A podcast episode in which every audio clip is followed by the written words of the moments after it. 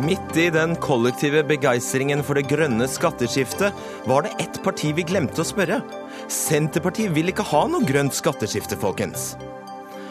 SFO på Steindal skole i Trondheim kryper til korset og avvikler kjønnsdelte aktivitetsgrupper. Men kommer ikke gutta likevel til å ville se guttefilm, og jentene går på neglespa? NSB kan være ute av anbudsstansen før første runde. En pensjonsbombe ligger i fanget på samferdselsministeren. Og en halv milliard norske skattekroner har gått til Clinton-stiftelsen, og den ene norske statsråden etter den andre har fått audiens hos Clinton-ekteparet. Betenkelig eller bare smart?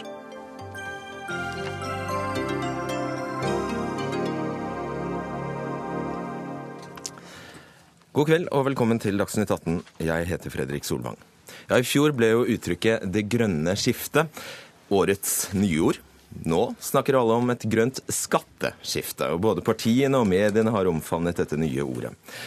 Men så finnes det ett parti som sier tvert nei til hele det grønne skatteskiftet, nemlig Senterpartiet. Hvorfor det, Marit Arnstad? Nå, du er parlamentarisk leder i Senterpartiet, og nå får du ett minutt på å forklare det. Ja, det trengs, det trengs, jo mange og gode tiltak mot, for å få ned klimagassutslipp. Det er jo ikke tvil om. Men det virker som hele høstens debatt skal handle om et grønt skatteskifte og et betydelig skatte- og avgiftsskjerpelse i klima, for å redusere klimagassutslipp, kan også ha en betydelig slagside sosialt, og det kan også være geografisk urettferdig. Og jeg mener at hvis du får for stor utslag av det, så vil du redusere legitimiteten til klimapolitikken i det store. Det er klart at Avgiftsbelastningen blir den samme, enten du tjener 200 000 eller du tjener en million. Det er den sosiale sida av det. Og avgiftsbelastningen blir også den samme, enten du har alternativ når det gjelder trafikken gjennom kollektivtilbud, eller du ikke har det. Og Det er den geografiske urettferdigheten som også kan ligge i spørsmålet om et stort grønt skatteskifte. Derfor så mener Senterpartiet at det er det nødvendig å problematisere i den framtidige debatten. Det var nøyaktig ett minutt. Veldig bra. Hvorfor er det grønne skatteskiftet en så god idé, Ola Elvestuen, nestleder i Venstre? Samme gjelder for deg, du har ett minutt. Ja, nå er det først og fremst nettopp det at det er et skatteskifte. Dvs. Si at vi altså skal ha høyere avgifter på det vi skal ha mindre av, som er forurensning, CO2-utslipp. Og det er jo for å nå de internasjonale forpliktelsene vi må nå. Vi skal 40% ned med utslipp innen 2030, og vi må bruke de økonomiske insentivene for det. Men så er det jo nettopp at det er et skifte. Så dette innebærer også at du skal ha lettelser i det som er miljøavgift, hvor det gir en positiv fortegn. Men det skal også være lettelser i bunnfradrag på, til, på lønningen til folk. Og det skal også være lettelser for næringslivet, som jo er den politikken som vi har ført på borgerlig side i denne perioden, men som vi nå mener at vi må forsterke kraftig for å nå de målene vi har satt oss. Du var enda flinkere. Det var 40 sekunder. Vi har sammenlignet de alternative statsbudsjettene til Senterpartiet, til Venstre. Venstre gir 2,5 milliarder i grønne skattelettelser, men skjerper de grønne skattene med 10 milliarder. Senterpartiet derimot skjerper de grønne avgiftene med 1,5 milliard, og bruker 2,5 milliarder på klimatiltak. Og hva viser dette, Arnstad? Nei, altså, jeg tror det er viktig når du diskuterer, grønne, når du diskuterer klimagassetak, at du ikke glemmer at det å redusere klimagassutslipp er også en mulighet til en ny næringsutvikling og til å igangsette ting i det norske samfunnet som fører til et lavutslippssamfunn. Og Det må vi også passe oss for når vi får et sånn ensidig blikk på skatte- og avgiftssystemet, at vi ikke hindrer næringsutvikling som er viktig. La meg ta skogbruket som et eksempel. Det kan jo altså samla sett begynne å redusere klimagassutslipp på til sammen 10 millioner tonn CO2 antagelig. Det er med dobbelt så mye som hele jordbrukets utslipp, eller like mye som all veitrafikk. Men da må du bruke de mulighetene som ligger i næringsutviklingen innenfor skogbruket for å oppnå det. Det er dessverre kontroversielt. Grønn skattekommisjon var veldig negativ til det. Men Klimakur og Miljødirektoratet har jo sagt senest i sommer at det er helt nødvendig. Og det må det legges penger og krefter inn i hvis du skal klare å få det til. Men Det grønne skatteskiftet er jo nettopp noe som vil kunne hjelpe norsk skogbruk. For det er jo nettopp at du skal få opp alternativene, at du skal få opp biodrivstoff, du skal få opp eh, Som vi jo har gjort. Nå gjøres det investeringer. Det gjøres investeringer i Hønefoss. Foreløpig er den biodrivstoffet består jo bl.a. av palmeolje. Da, Nei, det gjør det i veldig liten grad. Veldig liten grad. Og, også, og de har også gjort den justeringen. For det må gjøres justeringer Det underveis, sånn at den PFAD-en også nå Ja. eh, vil bli tatt ut av okay, la oss gjøre ferdig. Det legger litt av problemet, for hvis du skal få fram de næringsmulighetene, så må du ha råstoffet. Og problemet i dag, både for, Venstre, både for Venstre og for Grønn skattekommisjon, er jo at de vil, vil heller stenge for skogbrukets muligheter til å drive aktiv næringsutvikling, okay. og heller drive en naturbruksavgift eller vern av skog. er Du må bruke skogen hvis du skal få det Det viktigste er at du må ha et marked. Og nå har vi gjennom den rød-grønne regjeringa som jo tok, eh, innførte veibruksavgift på, på biodrivstoff, så mista vi jo fem år. Nå ser du at nå er det konkurransedyktig igjen. nei, men akkurat, jo, ja. men akkurat som har gjort endringer også i forhold til naturgass og er biogass. Der ser du også investeringene komme. til, jeg vil Dette ha, virker. ja, jeg vil ha dere tilbake til eh, disse alternative budsjettene. Eh, Et skatteskifte, sa dere altså, eh, Ola Elvestuen. Men når spriket her altså Dette er ikke noe skifte, for det er egentlig bare en påplussing. Ja, nå Det er er det bare også mer skatt. Nei, når du, ligger, når du ser på totaliteten her, som går også i forhold til næringspolitikken, hvor du også har lettelser. Det går enten det er formuesskatt, sånn at vi skal få flere norske eiere. Når du ser på eh, lønningene til bunnfradraget, så ligger det i, eh, i eh, budsjettalternativene et, eh, et, en balanse i dette. Og så er det jo enda viktigere i forhold til Venstre, er jo nettopp de budsjettene som vi faktisk Og vi vet jo hvem de skattelettene går til, Ola Elvestuen. Nei, de går til folk flest. Økende. Bunnfradraget treffer like mye i Finnmark som det det gjør på Frogner. Og når det gjelder næringspolitikken, så handler jo dette om at vi må få en situasjon i Norge hvor ikke all investering går i eiendom og får opp prisene, særlig i de sentrale delene, men du altså får norske investeringer inn i norske bedrifter som du trenger for å klare Men det grønne dere der blir, rett, blir lett en, en sånn tåkelegging, en sånn, sånn alminnelig skatte- og avgiftsdebatt-tåkelegging. Det er klart at dem som tjener 300 000, og som får økte avgifter f.eks. på bensin og diesel, de vil gjerne vite akkurat hvor er det våre lettelser kommer. Den som bor på Finnmarksvidda som ikke har kollektivtilbud, tilsvarende det du har i storbyene, men som jo må betale den samme avgiften som dem som bor i storbyene og kan ta toget i stedet, jeg vil gjerne vite hva jeg legger i det for min del. Og Hvis ikke dem får vite det, da svekker du legitimiteten til klimapolitikken. Og det er det jeg frykter at Frp og Venstre i fellesskap er i ferd med å gjøre, når de nå har reist på studietur til, US, til Canada, og nå i høst skal planlegge et sånn type skatteskift. Nei, Dette er en stor endring, og du må også få opp alternativene. Nettopp derfor så må du få opp infrastrukturen. Det må du få for elbiler, det må du få for biodrivstoff og, og igjen. Men så er det også Men det er jo ikke ladestasjoner for elbiler på Finnmarksvidda. Det er jo, det er nå prioritert. Norge fra Trondheim og sørover en har ikke prioritert de delene av landet som har færrest alternativ i Nettopp dag. derfor så setter vi opp tempoet på dette. Men det, men det jeg lurer på er hva Senterpartiet mener vi skal gjøre. For når du ser på de avgiftene vi har, når vi økte mineraloljeavgifta, det stemte dere imot. Når vi, gikk inn, når vi endret, gjorde endringer for å gjøre biogass okay, det gjorde dere, det gikk dere imot. Altså, vi stemmer for å fjerne veibruksavgifta for biodrivstoff, f.eks. Det er et veldig godt tiltak for å få en, den type om, forvandling Men og 2,5 transformering som milliard, du ønsker. Marit Arnstad, det er ikke veldig mye penger, og du får ikke mye klimakutt av det. Det, det sier seg selv. Nei, fordi at jeg tror ikke at det er store Det er ikke det skatt og avgift som kommer til å bidra til de store klimagassutslippene. Jeg tror det er overganger i næringslivet. Overgang fra, fra kør til biokull, fra fossil plast til bioplast. Ta aktiv La skogen, markedet da. bestemme, altså. Nei, men altså også oppmunter og utvikle okay. de næringene. Det er i det som ligger mye av klimagassutslippene. Det ligger faktisk sånn at klimapolitikken er ikke bare smerte, den er full av muligheter for grønn vekst. La oss håpe det, la oss håpe det var Helt enig, men det krever at du må ha tiltak. Eh, sp- Knut Einar Rosendal, du er professor ved Norges miljø- og biovitenskapelige universitet. Du var medlem av Grønn skattekommisjon, men uttaler deg her på vegne av eh, universitetet. Um, Hvilke grep vet vi vil fungere best av disse to eh, veldig forskjellige modellene? Hva vet vi ville fungert for å få ned klimagassutslippene?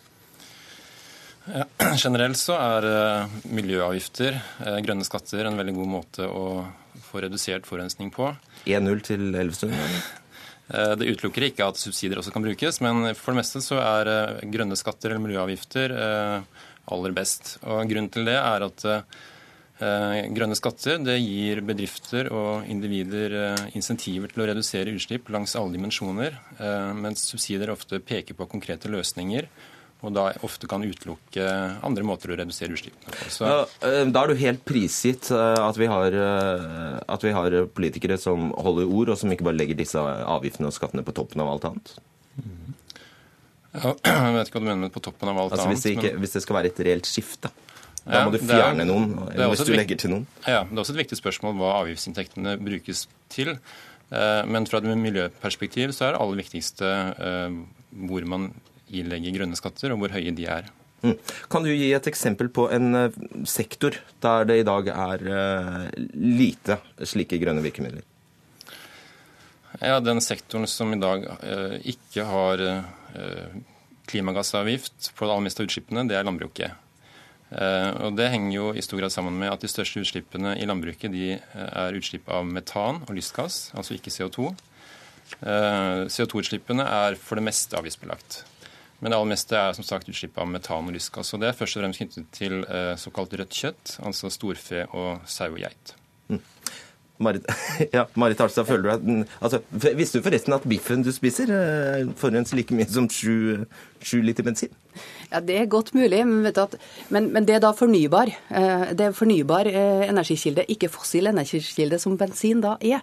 Men jeg bare si at jeg tror egentlig ikke noe parti kommer til å forholde seg helt til Skattekommisjonen framover. Fordi Skattekommisjonen foreslo jo å avvikle eller trappe ned de virkemidlene vi har innført som har fungert best. CO2-avgifta på sokkelen, som Senterpartiet er for, den vil de ha redusert. Elbilfordelene, som jo har fungert, det vil de ha redusert. Skattefradrag for energiøkonomisering, som er et viktig tiltak, det vil Skattekommisjonen ha vekk. Så Skattekommisjonen har en for teoretisk og statisk innfallsvinkel til det hele. Og når det gjelder jordbruket, ja, jordbruket har sin andel av klimagassutslippene. De er halvparten av veitrafikken, under halvparten av veitrafikken. Men de, de er der, og de, det er viktig. Men det er litt rart å ilegge en avgift på en sektor som er en av de få sektorene som faktisk har redusert sine utslipp fra 1990. For det er mm. landbruket. I motsetning til veitrafikken, i motsetning til en rekke andre sektorer. Det kan jo industrien også si, da. Ja, det er, altså, det er vanlig industri og landbruk er de to sektorene som har redusert utslippene. Du skal få svare på det, eh, Rosendal. Ja, først så vil jeg si at Det at eh, utslippene i en sektor har gått ned, er ikke noe argument eh, mot å innføre en avgift når man ikke har en avgift der fra før av. Um, når det gjelder, jeg, jeg har ikke lyst til å gå inn i en diskusjon om, om alle forslagene fra Grønnskattekommisjonen. Jeg syns det er viktigere at man vurderer enkeltforslag istedenfor å vurdere rapporten som en helhet. Um, og Når det gjelder uh, utslippene fra rødt kjøtt spesielt, da, um, så er det også verdt å nevne at uh, støtteordningen i landbruket de er jo i stor grad rettet inn mot nettopp produksjon av rødt kjøtt. Altså det er sånn at Støtteordningene er høyest for rødt kjøtt, mens samtidig er utslippene også høyest for rødt kjøtt. Men vet du, 60% av det norske, norske, arealet du kan drive landbruk på, er grasareal. Hvis du ikke skal ha, ha storfe der, så må jeg spørre meg hva skal du gjøre med det da? Skal det bare gro igjen? Skal du ha en overgang til svin og kylling som baserer seg på soyabasert palmeoljefôr fra en eller annen plass i Brasil? Altså, det, Du må faktisk liste næringa i helhet, ikke bare avgifter. Til å begynne med. Eh, siste spørsmål til deg, Elvestuen. Fordi jeg har forstått sånn at du faktisk, og du mener dette, at Frp er mer klimavennlig enn Senterpartiet? De har vært med på mer miljøtiltak og mer klimatiltak i denne perioden enn det Senterpartiet har vært.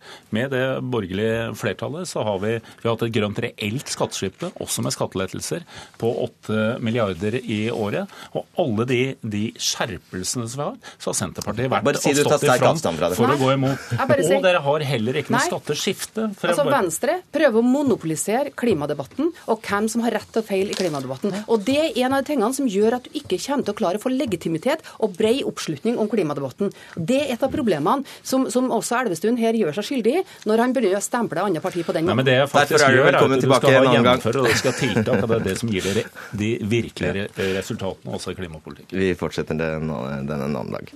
Marit Arnstad, Ola Elvestuen, og tusen takk til deg også, Knut Einar Rosendal. Dagsnytt 18 alle hverdager kl 18.00 på NRK P2 og NRK2.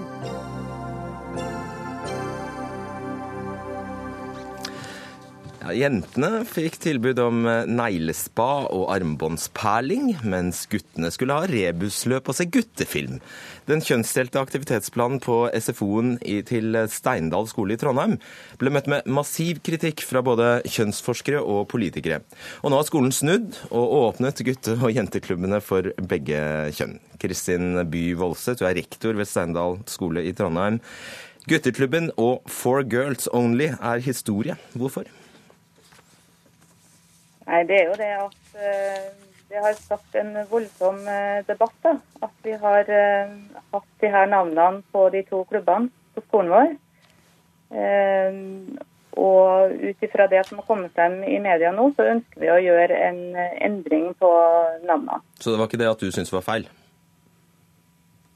Vi har ikke hatt fokus på uh, kjønnsrollene i tilbudet. Vi har ønska at elevene skal ha medvirkning. Uh, og tilbudet er laga ut ifra hva elevene sjøl har ønska. Uh, de har syntes det har vært litt stas å ha ei lita stund som har bare vært for jentene og bare for guttene. Og Det er det vi har hatt fokus på, og ikke det her at de er delt inn i jenter og gutter. Vi har på en måte ikke hatt kjønnsrollene i fokus. Og de ønskene og de behovene til barna de er vel der eh, fremdeles, så det du gjør nå er egentlig bare å bukke under for mediepress. Så enkelt som det. Det vi gjør, det er at vi endrer eh, navnene på Vi har, bruker ikke lenger gutteklubb og jenteklubb, og så åpner vi for at eh, elevene kan få lov til å velge litt større valgfrihet på aktivitetene. De kan få lov til å velge seg på begge deler. Ja, Men syns du det var feil, det du gjorde?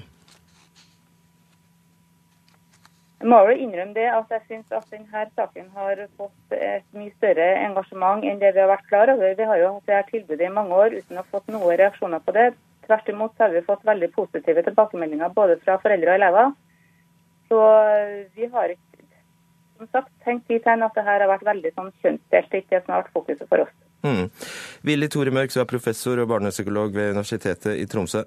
Kan det være gunstig det Steindal skole gjorde her, altså dele guttene og jentene inn i egne grupper? Ja, Det vi i hvert fall har sett, er jo at uh, ungene i disse to gruppene synes å trives med det. Og jeg hører også nå foreldrene har vært fornøyd med ordningen. Så, ikke alle, noen av dem går til avisa, da. Noen har gått til avisa, ja da. Men uh, ungene var fornøyd, og det er viktig. Dette er fritid, fritida til ungene. Det er SFO, skolefritidsordning. Uh, og fint at ungene litt trives under, under fritida si. Eh, så har jeg, som alle andre, eh, er opptatt av at når man organiserer offentlig tilbud til barn, så skal det ikke være kjønnsdelt, sånn i, i prinsippet. Men en halvannen time i uka, hvor de er hver for seg, har ingen betydning. Ingen betydning, altså. Nei. Gunn Irén Müller, foreldreutvalget for uh, grunnopplæringen. Uh, du sier at dette snarere er å skru klokka tilbake til 50-tallet? Ja, jeg syns det. Eh, særlig en del av aktivitetene som ble tilbudt, det var veldig eh, de syns jeg var veldig spesielle. Det ble fokusert på utseende, det ble fokusert på sying og De lager armbånd, de lagde pennal, ja. og de lagde såpe. Ja, og, og hvorfor kan ikke gutter lage pennal, da? Hvorfor kan de ikke det? Nei, altså, vi syns det sendes veldig mange feil signaler her, rett og slett. Altså, for det første så reagerte vi på aktivitetene. Altså, Neglespa er ikke en passende aktivitet for små barn det, da har vi et utseendefokus som er veldig uheldig. Det syns jeg ikke noe om. Eh, jeg syns også det er veldig feil å dele opp i kjønn og si at noe passer bare for gutter eller bare for jenter, og ikke la det åpne for at de skal kunne få lov å være sammen. Nå har man jo gjort det her, men det finnes andre skoler som også holder på med dette her. I tillegg så er det ekskluderende for dem som faktisk strever med egen kjønnsidentitet at det fins to grupper og ikke noe annet, og man må definere seg til å høre til den ene. Og det er en gruppe som blir oversett veldig ofte, eh, og her så kommer det, dette også i spill. Bare kort, Mørk, Er det noe skolen plikter å tenke på? Ja, Skolen plikter å tenke gjennom alle disse uh, mulige fallgruvene. Absolutt. Men fremdeles så står jeg ved det, det, standpunktet at dette var ikke så veldig farlig. denne halvannen timene, Og det er jo slik at uh, altså, Det er ofte forskjell på hvordan jenter og gutter leker. Ja. ja. så du, du, mener jo at de ville ha valgt sånn uh, helt uh, uavhengig av at dette var organisert slik av skolen? Ja, altså jeg, jeg, jeg har jo foreslått uh, også i media i dag tidligere at, at de, de, lar ungene velge. Og jeg tror at da ville ungene ha valgt omtrent det samme. Ja. Men det er jo et stort spørsmål, Voldseth, altså når du sier at det er styrt av deres egen, egne ønsker og behov. Altså Neglespa, en åtteåring kommer vel ikke automatisk på det som den morsomste tingen i verden å drive med? Det må jo være styrt av noen voksne? Som sagt så er de tilbakemeldingene jeg har fått, det er det at ungene har selv vært med på å komme med forslag om hva de har lyst til. Og Nå ser jeg i media at Neglestad har fått en voldsom eh, oppmerksomhet. Snakk om én gang i løpet av den tida de er på SFO. Så det er en veldig liten del av SFO-tilbudet til ungene fra første til fjerde trinn. Det er signaleffekten som vi er opptatt av. Fordi Jeg skjønner også at det er snakk om veldig kort tid i løpet av en uke. Og jeg tror ikke det at de har noe, at det noe, har noe vondt av å ikke leke sammen absolutt hele tida. Det er ikke det. Men det må, de må velge ut fra interesser og ikke ut fra, eh, ikke ut fra kjønn. Og jeg syns kanskje også at aktiviteten skulle vært mer passende for den alderen de faktisk skal være for. Ja. Er du med på det, Voldseth, i det minste, at dette er veldig kjønnsstereotypiske aktiviteter? De utfordrer ikke akkurat?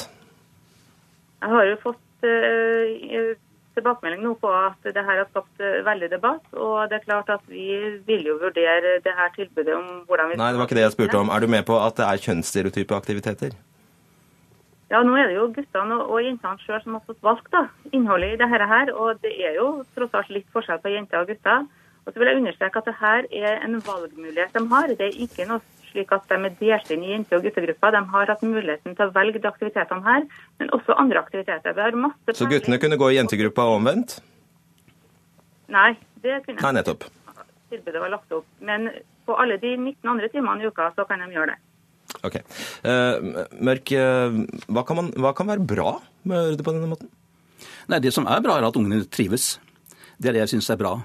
Og så har det, som jeg sa i sted, ingen betydning om uh, jenter leker litt med, med jenteaktige ting. Uh, uh, det er jo sånn at unger i den alderen der driver også med rollelek.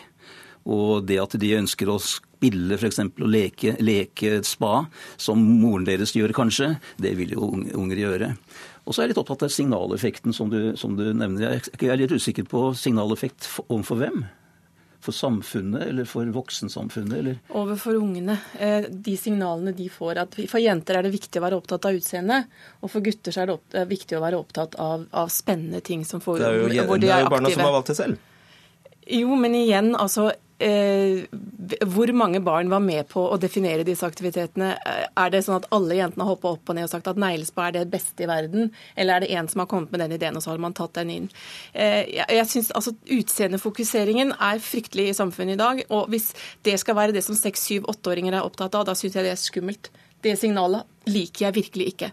Eh, og det spiller ingen rolle om, om de har valgt det sjøl. For de er barn, og vi er de voksne, og vi må ta de gode valga. Altså, et barn kan også ha lyst til å kjøre bil, og det skal de heller ikke gjøre. Ikke sant? Altså, det er mye de kan ha lyst til, men vi som er voksne må allikevel sette ned foten. Kristin By Voldseth, hva hadde du valgt?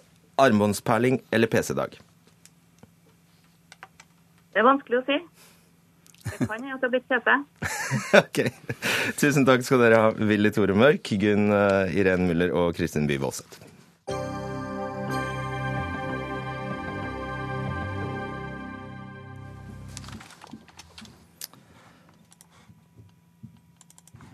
Allerede over nyttår skal eh, Sørlandsbanen, eh, Jærbanen og Arendalsbanen konkurranseutsettes.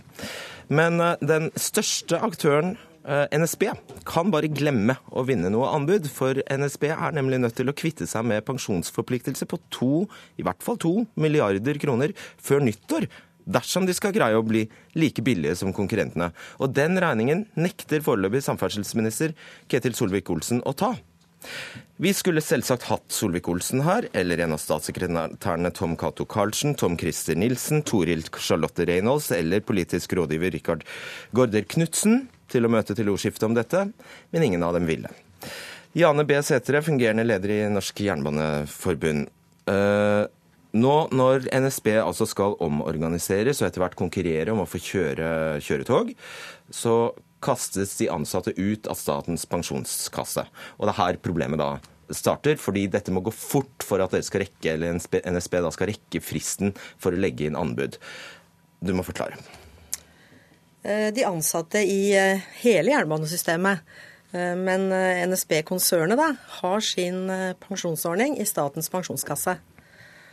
Og det er en ytelsespensjon som NSB forplikter både å betale framtidige forpliktelser og de regningene som dette innebærer Eh, så lenge den pensjonsordningen er den de ansatte har. Så Forklar har. dette her med fristene nå, da. Hva er det som er problemet? Problemet er at eh, vi eh, kan gjerne forhandle om å gå over på en annen pensjonsordning. Men det betinger at disse pensjonsforpliktelsene som NSB sitter med, de må noen ta regninga for. Og?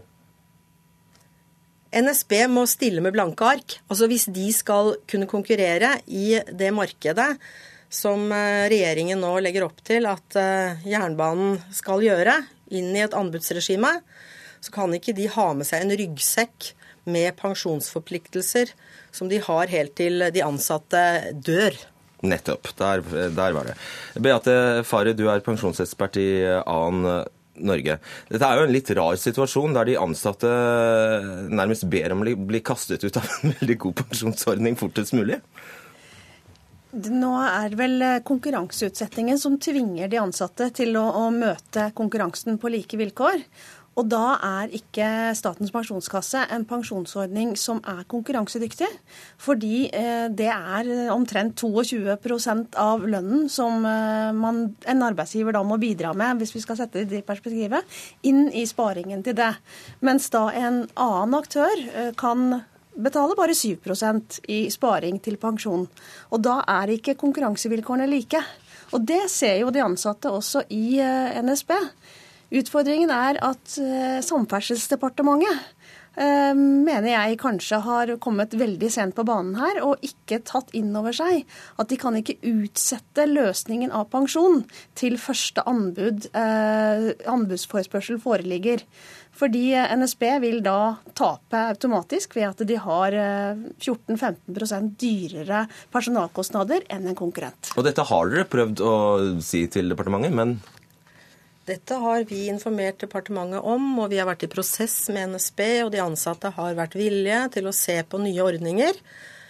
Men det er ikke noe poeng for oss å gå over i en ny ordning eh, hvis ikke vi får kompensert for det tapet det innebærer, og at NSB kan bli kvitt de kostnadene som ligger i denne pensjonsordningen.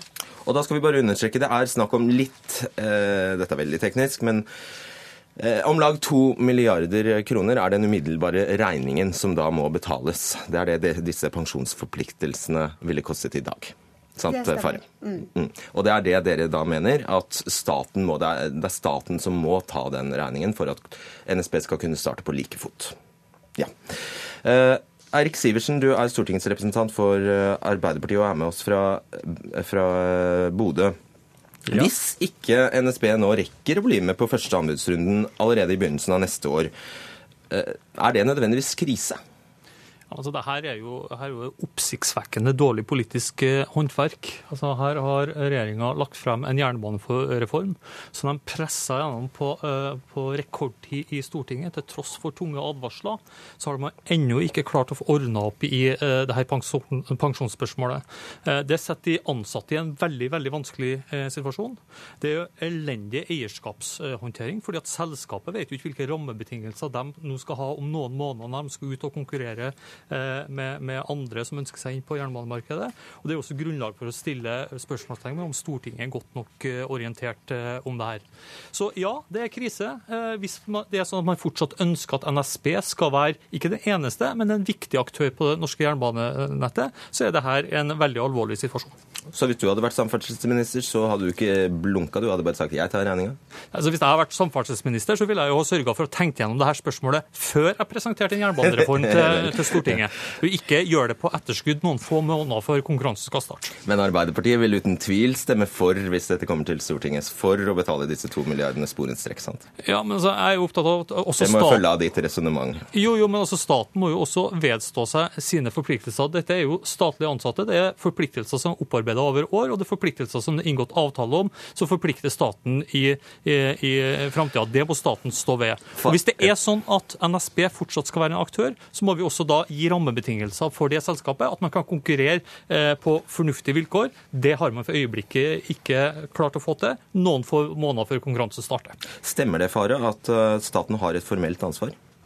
Staten har et ansvar for det som er opparbeidet mens eh, NSB har vært pålagt og underlagt eh, statlig forvaltning. Det som brukes som et argument for hvorfor man nå ikke vil betale de to milliardene, det er jo at det kan være fare for eh, brudd med EØS, statsstøtte osv. Eh, men det er jo litt paradoks at det er ikke så veldig mange år siden Posten gikk ut av Statens pensjonskasse. Eh, og det var ingen som da fikk noen regning for det, den exiten. Det vil altså si at, eh, Men man har fått noen nye regler i etterkant av den utgangen som gjør at NSB stiller helt annerledes enn Posten. Dette kan staten og Stortinget gjøre noe med ved å endre loven, SPK-loven, Eh, og her burde kanskje også Statens pensjonskasse ha gitt noen råd som da rådgivere på pensjon til staten om at dette vil få uheldig konkurransevridende effekt. Setre, du sier til Fri fagbevegelse at lønns- og pensjonsvilkårene hele tiden vil være til hinder for at NSB skal fungere i et konkurranseutsatt marked. Hva mener du med det? Jeg mener med det at eh, spesielt eh, pensjonskostnadene, som der ligger der som en ryggsekk hvis ikke regjeringa tar regninga, men så er det også andre lønns- og avtalevilkår som de ansatte har opparbeida seg, og som har forhandla seg fram til gjennom forskjellige problemstillinger som har vært i jernbanen opp igjennom tiden, for å få disse togene til å gå. Så vi har gode arbeidsbetingelser i, i jernbanen. så gode at dere vil bli så dyre at dere ikke klarer å konkurrere? Eh, nei, det vil jeg ikke si. Men vi er opptatt av at eh, lønns- og avtalevilkår i denne sektoren at de skal eh, være på det nivået som de er i dag. Ja, det vil jo et eh, Norsk Jernbaneforbund selvfølgelig eh, mene. Men så har jo statsråden bedyret at målet er ikke å spare penger ved å la togselskapet konkurrere på lavest mulig lønn og pensjon. Det har han bedyret i hvert fall i halvannet år. Han har sagt det til de ansatte at dette er ingen reform som skal røre ved de ansattes lønns- og avtalevilkår. Dette er en reform skal føre til at uh, vi skal få en bedre jernbane. Må vi ikke tro på det? Ja, vi begynner å tvile. Vi gjør det. Sivertsen, eh, hvis NSB ikke rekker denne fristen, og hvis de da ikke får være med på eh, anbudsrunden som gjelder eh, Sørlandsbanen, Jærbanen og Arendalsbanen, da kan det jo komme inn andre selskaper som er mer effektive, som f.eks. har litt dårligere lønns- og pensjonskostnader, hvilket sparer staten for masse utgifter til tog. Ja, og da er vi jo ved kjernen eh, ved privatiseringsgiveren, der vi er veldig skeptiske til at det er ansattes lønns- og arbeidsvilkår som skal være eh, konkurransegrunnlaget. Hvis det er sånn at eh, hensikten med å kommersialisere jernbanedriften ikke først og fremst å gi et bedre tilbud til de reisende, men å presse lønns- og arbeidsvilkårene til de ansatte i én sektor, så syns vi det er en feil utvikling.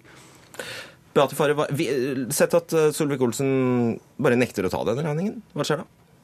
Da er, eh, har NSB med seg den ryggsekken og har eh, den ulempen i anbuds, enhver anbudsbesvarelse. Og hvis det da er pris som er kriteriet for valg av leverandør, så vil NSB tape hver gang. Og i ytterste konsekvens så er det det samme som å kjøre NSB konkurs. Da er det bye bye NSB? Ja. Hmm.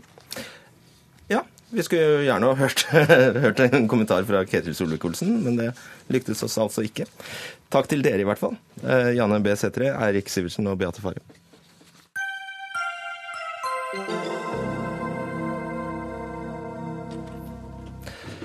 Clinton-stiftelsen er blitt en het potet i den amerikanske presidentvalgkampen.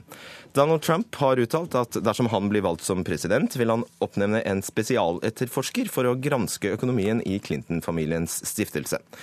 Norge har fra 2007 til 2015 gitt stiftelsen 584 millioner kroner til forskjellige tiltak, hovedsakelig innen klima og helse i Afrika. Og Gro Holm, korrespondent i Washington. Hva er det som gjør at denne stiftelsen blir dratt inn i valgkampen? Det er fordi at det egner seg som et eksempel på et politisk dynasti som opererer på en måte som om de var hevet over eh, loven, ifølge Donald Trump, eller i hvert fall anstendig oppførsel. Eh, det en, eh, har foregått, eh, mener mange, en sammenblanding av donasjoner til stiftelsen, av foredragshonorar til Bill og Chelsea Clinton, og store kontrakter, ikke minst innenfor forsvar. Og det er kontrakter som har trengt godkjenning i Utenriksdepartementet mens Hillary satt som utenriksminister. Og vi snakker her om land som Algerie, Saudi-Arabia, Qatar og Oman.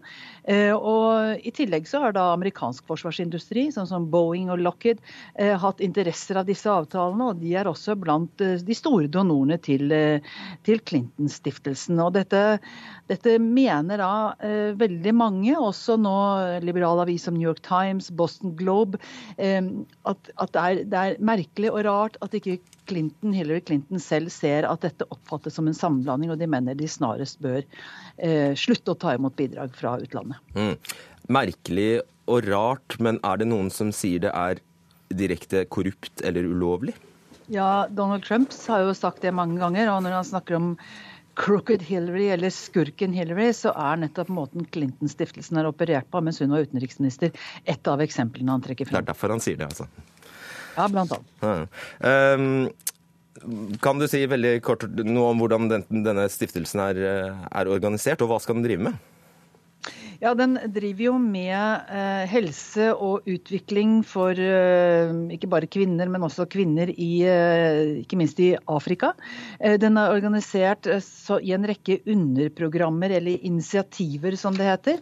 Det er På toppen av det hele så sitter Bill og Chelsea Clinton i styret for Clinton Foundation. og ja, en, et helseinitiativ er skilt ut som en helt egen organisasjon. Men der altså, med, blant medlemmene så finner man da både statlige institusjoner, også fra andre land, eh, ikke-statlige organisasjoner, bedrifter. Eh, og det koster da rundt 20 000 dollar å bli medlem i, i Clinton Foundation, en av disse, disse underinitiativene. Ja, Ikke helt gratis, altså. Men Norgesrolle, 500, ja, 584 millioner så langt. Kommer an på hvordan man eh, altså, regner. Aftenposten har funnet ut at det var 640 millioner. Men det plasserer oss uansett i en gruppe av land eh, som utgjør de aller største giverne, sammen med Australia og Saudi-Arabia. Så Norge er store, og det har jo vært tverrpolitisk eh, enighet. Dette er ikke noe Arbeiderparti- eller Høyre-prosjekt. Det har vært tverrpolitisk enighet. SV er også veldig aktive i å få kontakt med, med Clinton Foundation mens de satt i regjering. Eh, og det er ingen tvil om at eh, støtte til stiftelsen ses på som en måte å skaffe seg innflytelse på og kontakt, bli sett av en politiker som man jo har tenkt at kan komme til å bli USAs neste president. Selv om det ikke sies akkurat på den måten, så er det klart at her er det en måte å skaffe seg innflytelse. Et motiv utover å hjelpe de fattige og syke i Afrika der, ja. altså. Uh, bare veldig kort, Hva skjer med stiftelsen dersom eh, Hillary Clinton går hen og blir USAs neste president? Ja, De har gjort det helt klart at de ikke vil ta imot noe midler fra land utenfor USA. Uh, og Bill og Chelsea kommer til å trekke seg fra styret. Men det er jo da mange som mener at eller i hvert fall en del som har tatt til orde for at hele stiftelsen bør legges ned. For det er mange også interesser her i USA, store, store næringslivsinteresser, som gir til stiftelsen. Og, og, og, det vil være uryddig eh, å fortsette med en slik praksis hvis eh, Hillary Clinton skulle bli president. Mm. Kristian Tybring-Gjedde, du er medlem av utenriks- og forsvarskomiteen for Fremskrittspartiet. Flere ganger har du påpekt at Norge må ikke gi penger til denne Clinton-stiftelsen. Men du taler jo, som Gro Holm sier, for ganske så døve ører. Det er et bredt politisk flertall for å gi disse pengene. Ja, det er det som er så trist, hvis ikke skal si skremmende. Jeg syns Gro Holm gjorde en god oppsummering av, av situasjonen. Og den var jo ikke noe bedre før den amerikanske valgkampen.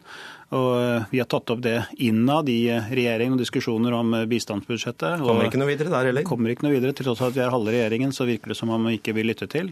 Denne gangen så blir vi lyttet til, er jeg helt sikker på, når vi kommer til budsjettet nå. Det skulle ta seg ut om, ikke, om de skulle fortsette med dette. Men det er åpenbart at det er deg, dine og mine skattepenger som går for å kjøpe seg tilgang til viktige beslutningstakere i amerikansk politikk, om det er utenriksminister eller kanskje senere også president. Hva er problemet med det? Problemet er at det er en, det er en form for eh, betaling for tjenester eh, gjennom skattebetalerne. At du betaler for at eh, norske politikere skal få tilgang til amerikanske politikere. Jeg syns det er urimelig. Og det er også dekke bak at man ønsker å hjelpe folk i den fattige verden. Og, og, da vil det finnes mange andre organisasjoner hvis man absolutt ønsker det, hvor man kan gi sin støtte. Og det er klart det er ingen tilfeldighet at Bill Clinton kom til Norge i juni og holdt foredrag for UDs ansatte. Altså Som om han skulle prioritere det i sin uh, hverdag. Han tar jo millioner av kroner per foredrag, og plutselig reiser han til, til Norge for å holde et gratis foredrag for UDs ansatte. Sikkert hyggelig for UDs ansatte, men det er åpenbart at dette er å kjøpe seg tilgang, og at Bill Clinton forstår at det er en payback time når vi har fått så mye penger fra Norge. Og jeg vil tilbake til, Hva er problemet med det? Med, hva er problemet med at et av verdens minste land kan slå to fluer i én smekk, både hjelpe de fattige og trengende og få tilgang til eh, verdens mektigste? Jeg syns at man skal behandle uh, bistand for bistand og politikk for politikk. Hvis han begynner å uh, samrøre på denne måten her, så er det mange andre tilfeller som vil Norge kalle det korrupsjon. Og jeg syns vi skal holde oss altfor gode til det. Vi skal holde vår sti ren. Og da skal vi verken støtte noen Trump-organisasjoner eller vi skal støtte noen Clinton-organisasjoner. Du, uh, vi har forsøkt i dagevis å få Utenriksdepartementet til å stille i denne debatten. Ingen der vil stille mot deg eller sammen med deg. Og det samme gjelder faktisk alle partiene vi har vært i kontakt med. Hvorfor tror du det er sånn? Det er ingen som er så glad i meg, vet du. Nei, men Det er åpenbart at de har veldig dårlig samvittighet. Og Det er rart at man står 100% bak noen tiltak og bak noe bistand, og man ikke kan stå i det offentlige rommet og forsvare det. Jeg syns man bare skulle si OK, vi gjør en feil, vi innrømmer det, og så går vi videre og så slutter vi med det. Det kan da ikke være så vanskelig for en politiker å si at nå har vi tatt feil, og så går vi videre. Det, det må jo være greit, det. Um, du, ikke, altså du, du, underslår ikke at uh, dette, altså Clinton Foundation i seg selv kan gjøre mye godt. For vi har bidratt, Norge har bidratt til å gi grunnopplæring av ambulansepersonale, jordmødre, sykepleiere, fødselshjelp i Malawi for å sikre bedre helse for nyfødte og mødre. De gjør sikkert veldig mye bra, Clinton Foundation, men det gjør mange andre organisasjoner også. Og Poenget er at hvis du skal være upolitisk og apolitisk i dette, så bør man gi til organisasjoner som ikke markerer seg politisk eller har annen form for politisk innflytelse. Så jeg, jeg syns Norge har gjort en uklok handling her. Og dessuten så har vi jo noen kamerater som vi gir sammen med, som heller kanskje ikke er eh, mors beste barn, som Saudi-Arabia og en del andre.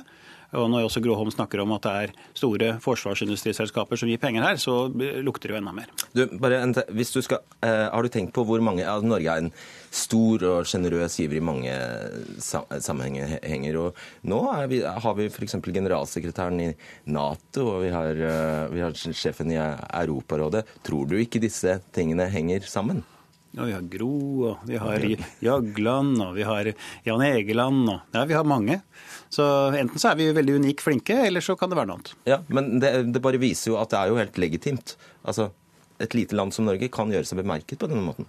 Ja, Det er jo åpenbart at eh, penger virker. Det er jo alltid, Alle vet det, det. Men poenget er at eh, vi får ta FN og andre på ordet. At vi har de beste diplomatene i verden. Så eh, jeg skal ikke diskutere mer rundt det. Ja, skal vi bare avslutte med at UD presiserer at de gir penger via altså eller Norge gir penger via denne stiftelsen, og ikke direkte til. Ja, okay. Takk. Tusen takk skal dere ha, Gro Holm og Christian Tybringen. Hør Dagsnytt 18 når du vil Radio NRK NO.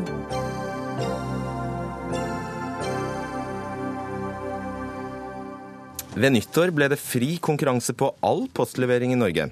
En av dem som satset, var Norpost, som ansatte flere hundre og investerte tungt for å bli en privat postleverandør.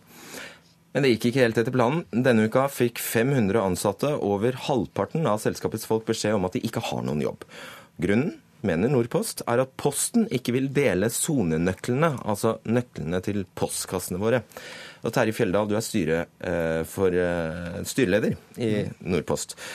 Hvorfor er det Postens skyld at du må si opp ansatte? Nei, altså Det skyldes jo at eh, når postmonopolet ble oppheva, så så vi for oss at vi skulle få tilgangen til alle postkasser, også de postkassene som befinner seg i blokkene, sånn at vi kan levere ut brev, post, magasiner, blader, aviser osv. til alle husstander, også de i blokkene. Og Når det gjelder de blokkpostkassene, så er stort sett alle disse postkassene låst med det man kaller en sonenøkkel, som lukker opp postkassestativet, sånn at man kan få ned i post. Og Posten har eh, etter vår mening eh, absolutt ikke gjort det de burde gjøre, og det er å levere ut den nøkkelen, eller i alle fall komme i dialog med oss for å løse det problemet, så vi får den nøkkelen. Har du spurt pent, da? Vi har spurt pent. Vi gjorde det faktisk i god tid før nyttår, for vi tenkte nå skal vi være, nå skal iallfall ikke det stå på oss. Så svaret vi fikk, det var dette de ville de ikke gjøre. Nei. Og da Må de, da? Etter vår mening så må de det. Fordi? Fordi at intensjonen i loven var at vi skulle ha lik tilgang til eh, infrastrukturen og deriblant disse blokkene. Elisabeth Hjølme, du er konserndirektør for kommunikasjon i eh, Posten. Det som i hvert fall er hevet over enhver tvil, det er, som de færreste av oss har uh, greid å unngå å få med seg, er at uh, det nå er fri konkurranse. Vi husker dette berømte postdirektivet. Så uh, alle skjønner det er bare rett og rimelig at dere gir fra dere disse nøklene. Men problemet er jo at det er ikke våre nøkler. Vi, eh, vi kan ikke gi fra oss nøkler som er eh, andres nøkler. Vi er, eh, har fått forvalte disse sonenøklene til postkasseanleggene ut fra tillit og ut fra et samarbeid med gårdeierne. Og de kan vi ikke gi fra oss uten videre. Men det vi har sagt, hvis man ønsker å etablere en fellesordning så vi kan dele på disse nøklene, så vil vi selvfølgelig være med på det. Men det er veldig mange forhold som må avklares før det. Kan, Både, dere, kan dere, eller vil dere dele, dele, nøkler? Vi vil dele nøkler hvis vi får på plass et juridisk grunnlag for å gjøre det. Hvis vi får på plass en praktisk ordning for å kunne gjennomføre det på en enkel måte. Og hvis vi får eh, delt på de kostnadene det fører med seg. Altså en finansieringsmodell. Ja. Ja, altså vi mener jo det har dere aldri sagt før at dere vil gi oss de nøklene. Var det nytt for deg? Eh, helt nytt for meg. Eh, det kom nå fram i media for et par dager siden at det var litt mer sånn åpning, men svaret har vært helt nei. Så moro, da, Hjelme. Eh, det var moro. Ja, men altså, Det kommer vel an på hvilke spørsmål som er stilt. fordi vi kan ikke bare låne de bort uten videre. Problemet er jo at Norpost har, tror at de kan få de nøklene uten videre. Og det nei. kan de ikke. Er, vi tror jo ikke det. Vi er obs på at det må være på plass noen ordninger, og vi er nødt til å dele på ansvaret her. Så det er ikke problemet. Men dere har fra første dag gjort alt jeg kan for at ikke vi skal få de nøklene. Eh, når dette kommer opp i media så sterkt nå, så kan det godt være dere ser det på en annen måte nå, men hittil er det ingenting i deres skriftlige materiale som dere har sendt inn til departementet i noen saker her, som har sagt at dere vil dele disse nøklene. Ok, Hjelme, eh, eh, du etterlyser, eh, du etterlyser et, en hjemmel. I april skrev altså Samferdselsdepartementet dette i et brev. Samferdselsdepartementet mener at postlovens paragraf 33 skal forstås slik at bestemmelsen også åpner for at myndigheten kan gi andre tilbydere tillatelse til å få tilgang til Postens sonenøkler. Ja, nettopp. Ja. Så vi kan få det til. Vi kan få til en felles ordning med dette. Og vi eh, ønsker da å diskutere rammene ja, for den ordningen. Men hvor vrang er det mulig å bli? Da? Men vi har ikke vært vrange. Vi har vært i disse møtene nå gjennom hele vårhalvåret og nå senest i august. Og, og, og dette er en avklaring som ikke Posten kan gjøre alene, fordi det ikke er våre nøkler. Eh, faktisk, Felda, den, er ikke, den er ikke kjempeklar. Den er ikke kjempetydelig. Nei, altså politisk er det stor enighet om at det skal være konkurranse i dette markedet, og vi skal ha tilgang. Eh, det er noen juridiske ting som går på eh, rett og slett at når Posten sier nei, så må de ha Og det er det de har sagt til nå, men hvis hun offisielt nå sier ja, så er det et stort fremskritt eh, i saken. For da er det bare de praktiske tingene vi skal ha på plass. Men jeg har sjekka i dag med eh, kommunikasjonsmyndighet, nasjonal kommunikasjonsmyndigheter. De sier at det, eh, det, er ingenting i veien for at nøklene kan utleveres, og de vil ikke sette seg imot det. Det er ingenting i loven som sier at ikke de kan gjøre det. Det er rett og slett opp til Posten. Og da vi, er jeg sikker på at vi kommer til å få til en ordning, hvis vi får det juridisk på plass, hvis vi får til en praktisk praktisk måte å gjøre det på. Og hvis vi får til en finansieringsmodell som gjør at vi deler på kostnadene er, med en felles ordning. Er det plutselig det som er hovedproblemet nå? At det koster mye penger? For tidligere har dere sagt at det var sikkerhetsmessige og økonomiske Jo, men det er jo, men det, men det, er jo det som koster å ha et Vi har et veldig rigid opplegg på sikkerheten knyttet til disse nøklene. Fordi det er jo stor Altså hvis de nøklene kommer på avveie eller blir misbrukt, så står vi med et ansvar. Okay. Det er bakgrunnen for at vi må ha ordnede forhold rundt dette. Kjøpe en stor men, safe, da. stor og god sekk. Men, men altså, dette, dette, det, dette, hindrer jo ikke konkurranse i postmarkedet. Jo. Og det ja, må jeg det må vi komme til nå. ikke sant? Dette koster Fordi, 500 nei, ja, vent, ta, Jørgen, ta, Forklar det. Hvorfor hindrer ikke dette Fordi dette er snakk om nøklene til postkasseanleggene. At du kan få opp lokket på toppen av postkasseanleggene i blokker. Og der, For det første så er det en sprekk i disse postkassene, så man kan Konkurransen er åpnet på brev under 50 gram, og de går i hovedsak ned i den sprekken som allerede er i disse postkassene. Så dette er ikke avgjørende for den siste delen av konkurransen som har kommet fra nyttår. Før det så konkurrerte også Posten om 90% av de inntektene som eh, vi har. Og, og, og, vi er vant til konkurranse, vi er forberedt på konkurranse, og vi har ikke motsatt oss den nye postloven som kom fra årsskiftet. Svar på det. Ja, altså Det er jo direkte feil. Eh, hvis man kjenner ei postkasseblokk, så får du nesten ikke noe inn i den. Og skal våre bud stå og brette dette, et brev eller en, rive opp en magasin og putte en biter nedi, så går ikke det. Og så enkelt er det. Og dette koster oss veldig mye penger, for de har tatt dobbel pris av oss omtrent for å dele ut i blokkene når våre kunder skal ut der. Men det postloven handler om, er adresserte brev under 50 gram, som det ble åpnet for nå fra nyttår. Før det så har vi konkurrert om brev, mm. adresserte brev over 50 gram, blader, magasiner, reklame. Og det er ikke noe forandring fra før eller etter nyttår. Det eneste forskjellen er på små brev under 50 gram, og de går som regel i sprekken i postkassen. Ok, Fjelldal, eh, Coop Nord, en av kundene deres, har sagt opp kontrakten med dere. Er det også fordi dere ikke har sonenøkler? Ja, det handler faktisk også om at eh, vi var helt sikre på at vi skulle få denne tilgangen. Og det var de også sikre på. Alle har vært sikre på det i løpet av året, å få den på plass. Men det er jo en avtale om uadressert post? Det er en avtale om uadressert, men Da trenger du ikke sonenøkler? Jo, altså dette henger sammen. Og det vet Posten veldig godt. Hvis Posten kunne si her og nå at ikke de hadde levert ut noe annet enn små brev i disse anleggene, så kunne de finne på noe annet med det andre, så tror jeg de ville skjønne at det vil være ødeleggende for virksomheten. Dette handler om at, at vi, vi, vi distribuerer alt det som kan. Vi samdistribuerer ting.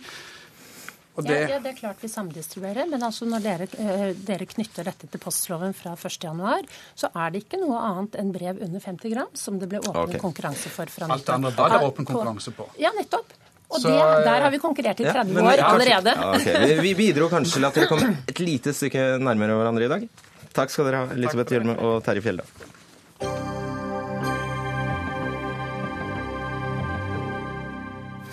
Venezuela står foran et skjebnedøgn, for i dag blir det arrangert en rekke demonstrasjoner verden over, også i 47 byer i Venezuela. Et av kravene er en folkeavstemning for å få avsatt den sittende presidenten Nicolas Maduro. Han får skylda for at en økonomisk krise med unntakstilstand herjer i Venezuela. Landet er jo preget av mat- og medisinmangel, fallende oljeinntekter og eh, skyhøy inflasjon. Uh, ja, Christian Bay, gift med en eh, kvinne, eh, kvinne, fra Venezuela, har bodd i landet i seks eh, år. Eh, ja. Dette med skjebnen er for så vidt et sitat fra, fra deg. Hvorfor, er det, hvorfor er, er det det? Nei, fordi det er, det er, første gang på svært lenge at opposisjonen klarer å samle folk til gatene. I, en, i, et stadig mer brutalt regime, hvor redselen rår i gatene, eh, men hvor de altså nå har klart, eh, på tross av all motstand fra regjering og regime, for å få dette her til. Mm. Og bare for å klargjøre da, hvem er det som demonstrerer i dag? Eh, det er, demonstrasjonen er organisert av, av opposisjonen. En, som er høyresiden? Som er en høyreside, la oss kalle det det. Eh, og, men eh, det er ikke lenger en eh, opposisjon som høyre-venstre. Nå er det mer for et Venezuela eller ikke et Venezuela. Sånn som jeg ser det. Som du ser det, iallfall. Ja, og, ja. og mange andre sikkert også. Danita Paray, du deltok på demonstrasjonen i, i Oslo i dag. Ja. Hvorfor var det viktig for deg? Fordi jeg er fra Venezuela har bodd mange år i Norge. Og det er viktig for at jeg ønsker å fremheve litt grann at, uh, å få um, kanskje litt mer mediedekning om det som skjer i Venezuela. For det skjer så mye sånn at uh, det er sjelden man ser det på nyhet her. Eh, det er Det vi jo ser, er at folk står i matkø på altså, kjempelange matkøer, og det går, eh, kommer rapporter om at de står i 30 timer i uka ja, bare for ja. å få, få, de helt nødvendigste varer. Er det, ja, er det sånn? Det stemmer, og det, det, skjer mye mer enn det. Fordi eh, for eksempel um, folk som blir de politiske fanger, som er det er ikke bare for det, men det er fordi at folk er redd for å uttrykke seg, for å uh, få konsekvens, rett og slett. Og vi ønsker fred, og vi ønsker en bedre Venezuela. Jeg er ikke så veldig opptatt av venstre eller høyre, men at uh, folk får det vanlige menneskelige rettighet, det de har rett på. Okay. Mm. Leif Marstrandsrede, du er førsteamanuensis ved latinamerikastudier ved Universitetet i Oslo. Er på en latinamerikakonferanse i Bergen akkurat nå. Der er vel helt sikkert situasjonen i Venezuela et aktuelt tema. Hva kan skje etter denne demonstrasjonen? Vel, opposisjonen håper jo på å greie å presse regimet til å framskynde denne folkeavstemningen, eh, slik at den blir holdt før 10.1, slik at denne folkeavstemningen vil kunne medføre en politisk endring, og ikke bare kontinuitet. for Blir den holdt etter 10.1 neste år, så vil makten gå videre til Maduro sin visepresident, og da vil regimet fortsatt sitte dette. Eh, og så prøver de også, som det ble nevnt, å, å, skaffe seg internasjonal støtte. De vil ha disse bildene av eh, en million mennesker i Caracas og, i andre byer. Eh, de vil ha disse ut på Twitter, på sosiale medier og få internasjonal oppmerksomhet for å skape internasjonalt press mot en regjering som i dag er en autoritær og ikke-demokratisk regjering. Og det er, det, det er hevet over enhver tvil. Det er ingen som bestrider det. Det er flere som bestrider det, men, men, eh, men eh, det vil si at enigheten eh, har blitt større og større. Altså, Maduro-regjeringen nektet å anerkjenne at de tapte parlamentsvalget i desember, eh, og har hindret flere eh, representanter i nasjonalforsamlingen ta sete, og har sørget for at nasjonalforsamlingen har mistet all makt etter at flertallet gikk til opposisjonen. Så det er ikke et demokrati. For det demokratiet så aksepterer man å tape i valg. Pluss at man har innsatt eh, lojale dommere i Høyesterett. Det har man også gjort, selvfølgelig. Kristian Bay, er det mm, hva skyldes denne helt ekstreme økonomiske situasjonen, altså denne varemangelen f.eks.? Hva skyldes det? Det skyldes et eh, systematisk eh, eh, nedbrytning av, av det produktive liv. Av regimet egentlig fra Chávez sine dager. Det skyldes at de har gitt bort rikdommen for å eksportere sin sosialistiske revolusjon til andre land i Latin-Amerika. Og det skyldes korrupsjon. Det skyldes så mangt. Man snakker jo, Det er flere som snakker om eh, en, en eh, Eller det har, vært snakket om en slags eh, økonomisk krig fra, fra høyrekrefter. Lever denne Jeg vet ikke om det er en konspirasjonsteori, men lever den fremdeles? En... Konspirasjonsteorien i regimet lever i beste velgående, absolutt, ja. Mm. Er det noe i den, er det noe i den Marstrandsredet?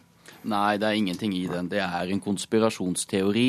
Eh, og det er ikke slik at det er et imperium oppe i nord som prøver å straffe en sosialistisk regjering. I et land som Bolivia som hevder en sosialistisk regjering, så går det jo ganske bra. Så, så dette her er en konspirasjonsteori. Ja, det, ja da. Eh, en, men dette er en konspirasjonsteori. Akkurat som det er konspirasjonsteori at, at opposisjonen holder på å, å, drive på med en kuppforsøk i dag. Så, så dette er retorikk fra regimet der de prøver å skyve fra seg skylden for den elendige økonomiske situasjonen. Kan du prøve, kan du eh, prøve å forklare Danita Parai, hvor, eh, hvordan er det for helt vanlige, vanlige folk? Altså med det er kjempehøy inflasjon f.eks. Hvordan oppleves det i, akkurat nå? Utrolig vanskelig. Ja. Jeg kan ikke forstå hvordan de overlever den dagligdags liv. Eh, for det er vanskelig, rett og slett. Um, folk uh, som er vant til å spise tre måltider, kanskje spiser én. Eller noen får ikke mat på flere dager.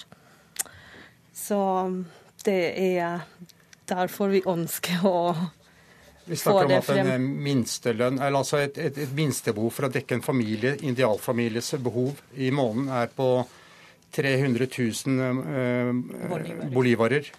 Mens eh, minstelønnen er på 70 000. Typisk mm. inntekt i, et, i, et, i en husholdning. Mm. Så det sier seg selv at det, bare for å dekke mat, så har de ikke engang uh, Det er ikke nærheten av å komme dit. Enda mindre andre utgifter. Og veldig kort til slutt, uh, Marsteinstrede.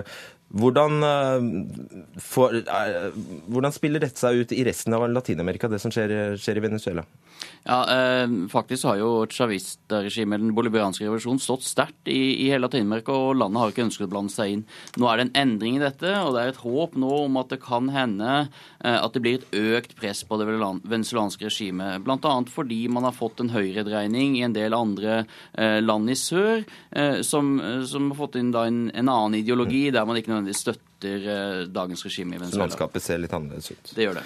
Tusen takk skal dere ha, Kristian Bay, eh, Leif Marsteinstrede og ikke minst Lai Anita Parai. Hjertelig takk. Takk skal dere ha.